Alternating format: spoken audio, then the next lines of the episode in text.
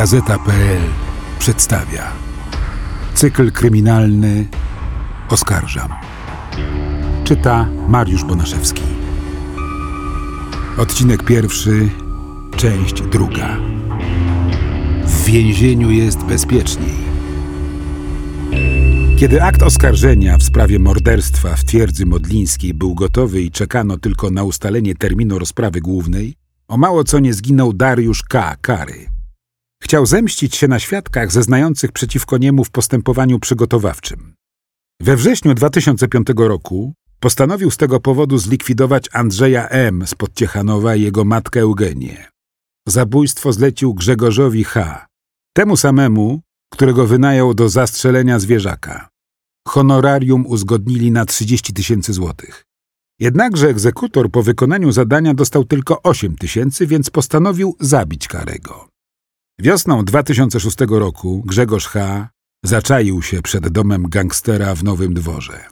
Kiedy Dariusz K., tymczasowo zwolniony z aresztu, wyszedł na ulicę, zamachowiec otworzył ogień. Ale jego kule trafiły w płot. Szczęśliwie ocalony na własną prośbę wrócił przed terminem do więzienia. Tam czuł się bezpieczniej i nie mógł narzekać na osamotnienie. Coraz więcej gangsterów z band Nowego Dworu pojawiało się na spacerniaku. Między innymi spotkał w tych okolicznościach schwytanego kilka miesięcy wcześniej w Olsztynie Rafała Eł, zwierzaka, który przymierzał się do napadu na kantor. W październiku 2007 roku wszyscy siedzieli na ławie oskarżonych Sądu Okręgowego Warszawa-Praga w Warszawie. W maju 2008 roku proces mafijnych egzekutorów z grupy modlińskiej dobiegł końca. Zwalisty, napakowany sterydami Piotr T. Skwara odczytywał swe ostatnie słowo z kartki z głośnym płaczem. Przysięgam, że choć brałem udział w porwaniu i karę przyjmuję z wielką pokorą, nie wiedziałem, że to się skończy takim nieludzkim morderstwem. Byłem prześladowany przez zwierzaka. Nie mogłem mu odmówić. Zapadły trzy dożywocia. Dla Rafała Eł, Józefa M. i Krzysztofa M. Temu ostatniemu sąd apelacyjny obniżył później karę na 25 lat pozbawienia wolności. Wśród skazanych nie było Macieja Eś, śledzia, który skutecznie ukrywał się przed policją. Był poszukiwany listem gończym w całej Europie.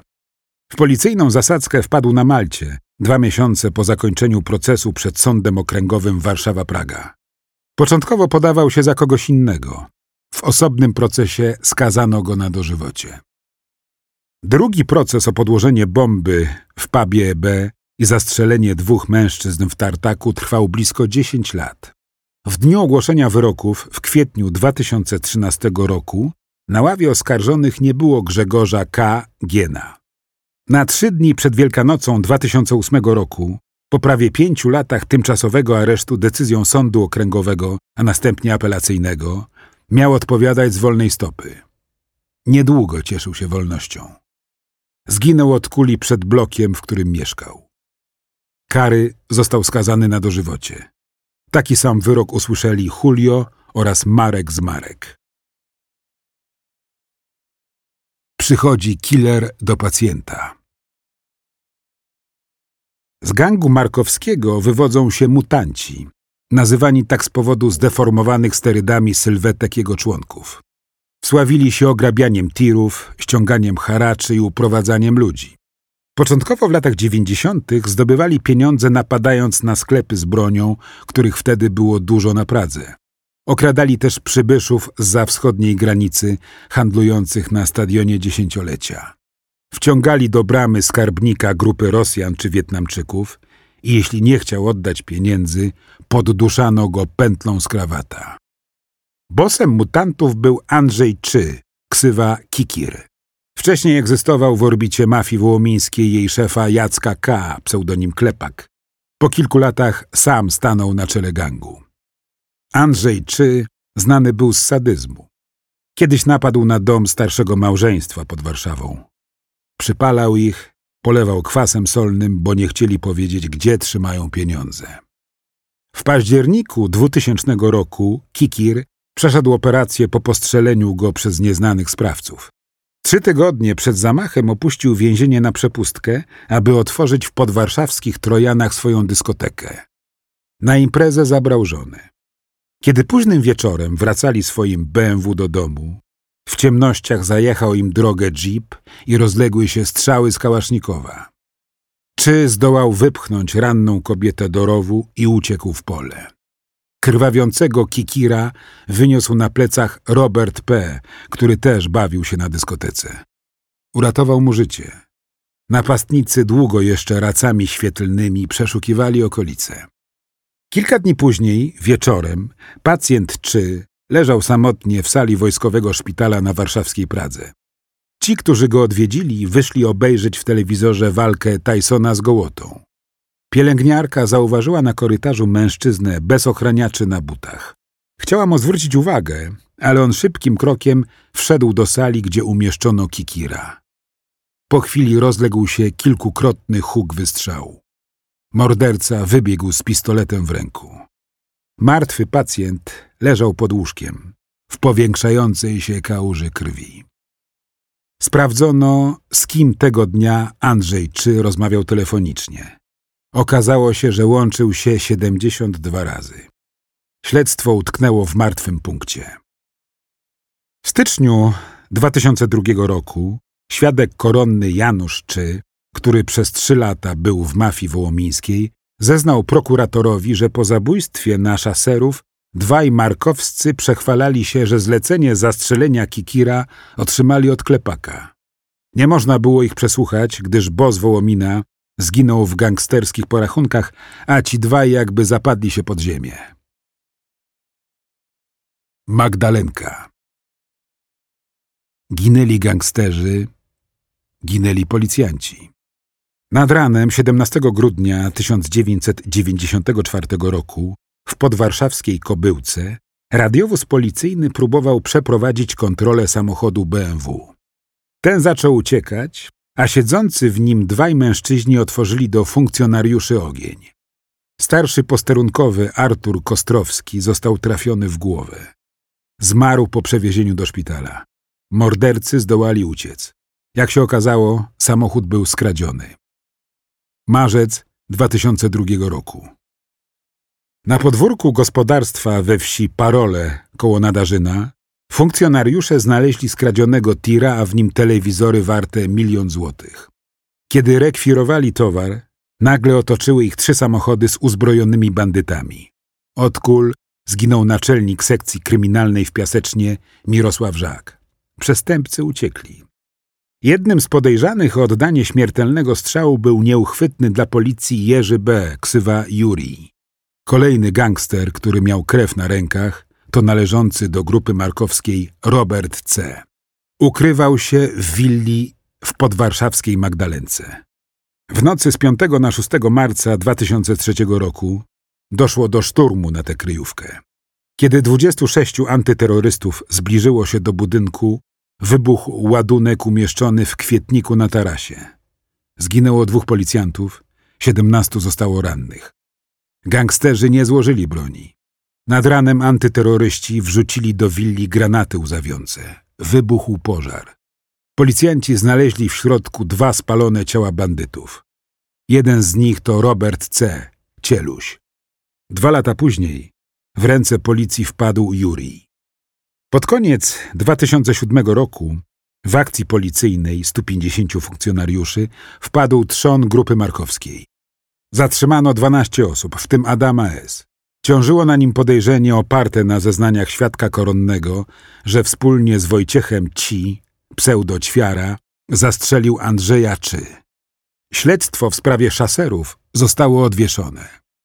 W aktach prokuratorskich pojawiło się nazwisko gangstera Rafała T., ksywa Toudi.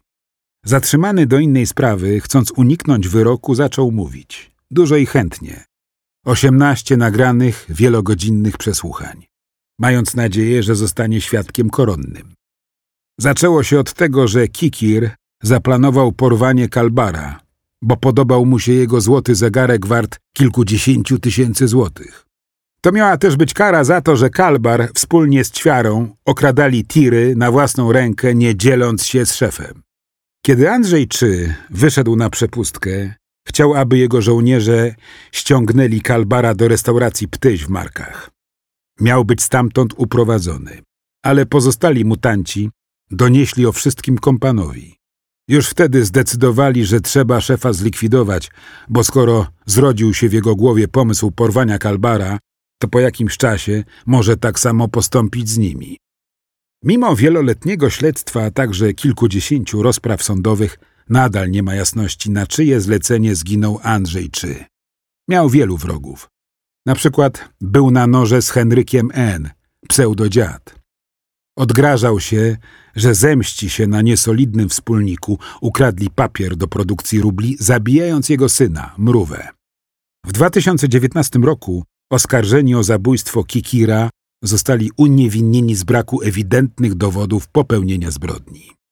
To wtedy, po ogłoszeniu wyroku, jeden z prokuratorów, poproszony przez dziennikarzy o komentarz, powiedział słynne zdanie: Zostawcie gangsterów w spokoju.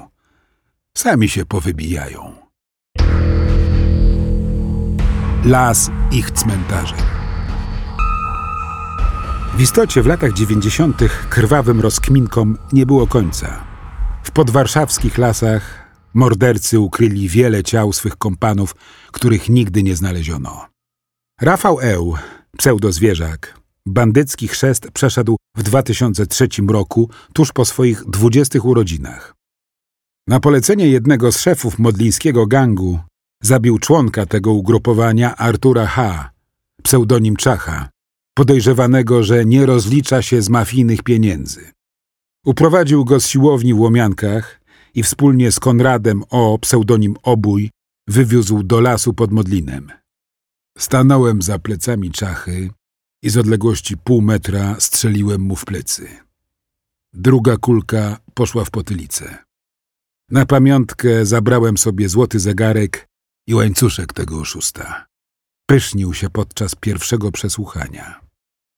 Dwóch innych członków gangu modlińskiego, Brody i Skowrona, których zwierzak miał zlikwidować za nieposłuszeństwo wobec braci K., zabił po pożegnalnej kolacji w lokalu. Zjedli, popili i w szampańskich humorach wsiedli do samochodu, którym kierował Andrzej B. Broda. Obok niego siedział Mariusz S. Skowron. Obój i zwierzak zajęli fotele z tyłu. W pewnej chwili Konrad O. zaczął symulować, że zbiera mu się na wymioty. Muszą się zatrzymać. Samochód skręcił w stronę lasu. Tam Rafał Eł strzelił do skazanych. Ich ciała zostały ukryte pod gałęziami w leśnym wykrocie. Na polskiej ziemi jednak nie tylko polscy gangsterzy wydawali wyroki. Wadimas L., bandzior pochodzenia łotewskiego, od 1997 roku grasujący ze swą brygadą nad Wisłą, ma na sumieniu siedem zabójstw swych kompanów. Jeden z nich, Igor S., musiał zginąć, gdyż L. zobaczył w prokuratorskich aktach zdjęcie nadpalonego samochodu użytego przez jego kompanów do uprowadzeń, na którym S pozostawił swoje odciski palców. Pozostali stracili życie, bo Wadimsowi L wydawało się, że nierzetelnie rozliczyli się z pieniędzy skradzionych podczas napadów. W trakcie kopania dołu dla jednej ofiar L zarządził losowanie, kto zabije dziesięcioletniego syna skazanego. Dokonali tego w czasie wspólnego grilla. L w 2000 roku uciekł do Meksyku, następnie wyjechał do USA. W 2004 roku został deportowany do Polski. Otrzymał dożywocie. Przywódca gangu ząbkowskiego, Wiesław N., ksywa wariat, zaczął przestępczą karierę od przemytu spirytusu za zachodniej granicy oraz produkcji amfetaminy. Specjalizował się również w sprzedaży kradzionych w Niemczech samochodów.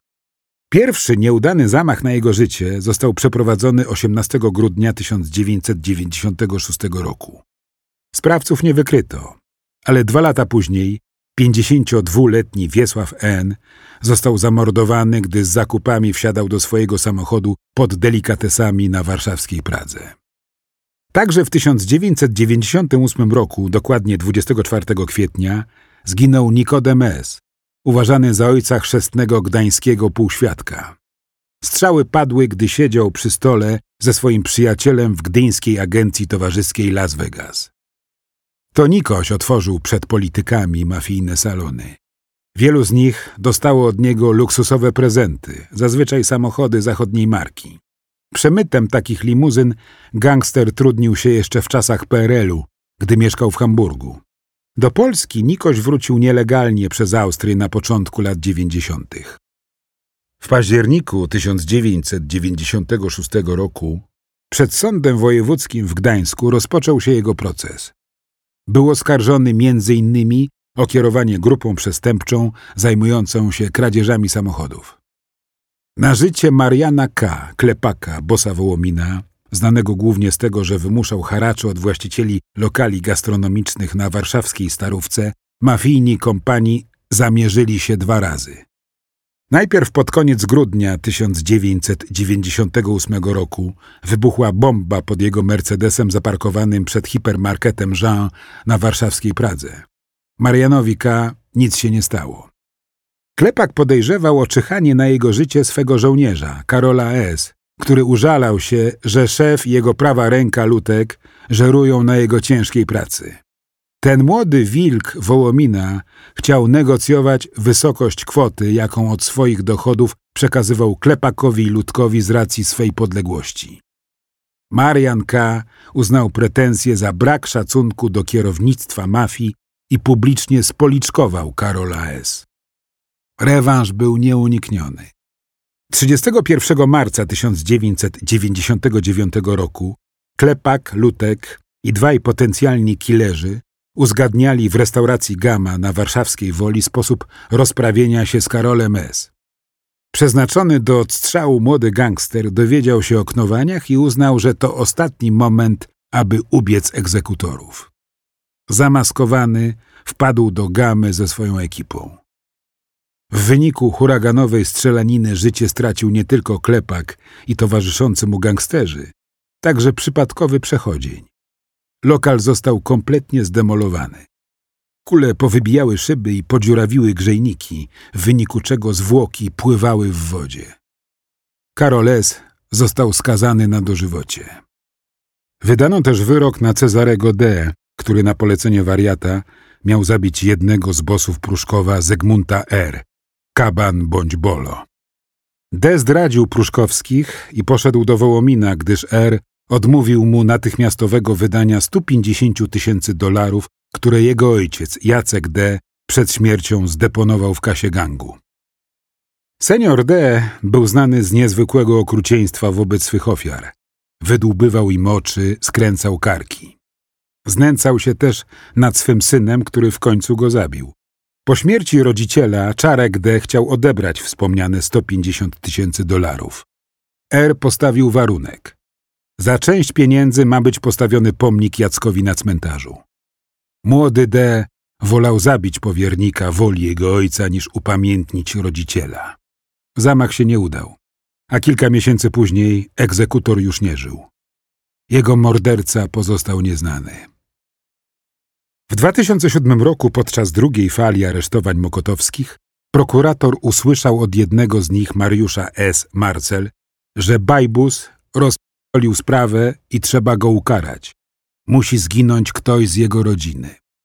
Chodziło o Krzysztofa M., który jako tak zwany mały świadek koronny odsiadywał karę sześciu lat więzienia za współudział w zamordowaniu członka mafii mokotowskiej Łukasza W. Dzika. W zabójstwie brało udział czterech gangsterów.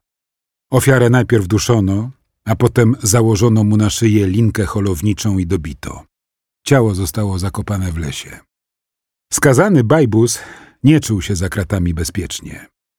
Wiele do myślenia dała mu odpowiedź dawnego kolegi spod celi Zbigniewa C. Daxa, którego mijał na spacerniaku. Na pytanie, jak się czuje, jak życie, tamten rzucił przez zaciśnięte zęby lepiej zacznij się martwić o swoje. Bajbusowa grupa wyspecjalizowała się w napadaniu na tiry z towarami Chińczyków i Wietnamczyków. Ich ofiarami byli też właściciele kantorów zmuszeni do zapłacenia haraczu. Zdarzyło się, że jeden z windykatorów Bajbusa tak chwycił za gardło opierającego się cinkciarza, że doprowadził do jego śmierci. Kilka miesięcy później żona Bajbusa Szła rano do sklepu wujostwa, w którym pracowała. Nie dotarła na miejsce. Nieznani sprawcy oddali w jej kierunku siedem strzałów w plecy i głowę. Anna M. Zmarła w szpitalnej izbie przyjęć, nie odzyskawszy przytomności. Osierociła dwójkę dzieci. Prokuratura umorzyła śledztwo wobec nieustalenia sprawców napadu. Krzysztof M. nadal obciążał członków grupy mokotowskiej, choć w 2010 roku dwukrotnie podpalono jego dom. Sprawcy pożaru pozostali nieznani. M po odsiedzeniu wyroku wyszedł na wolność w 2014 roku. Zerwał kontakt z Mokotowem. Znalazł się na osławionej liście śmierci, na której są gangsterzy, prokuratorzy i policjanci rozpracowujący mafię mokotowską. Czytał Mariusz Bonaszewski.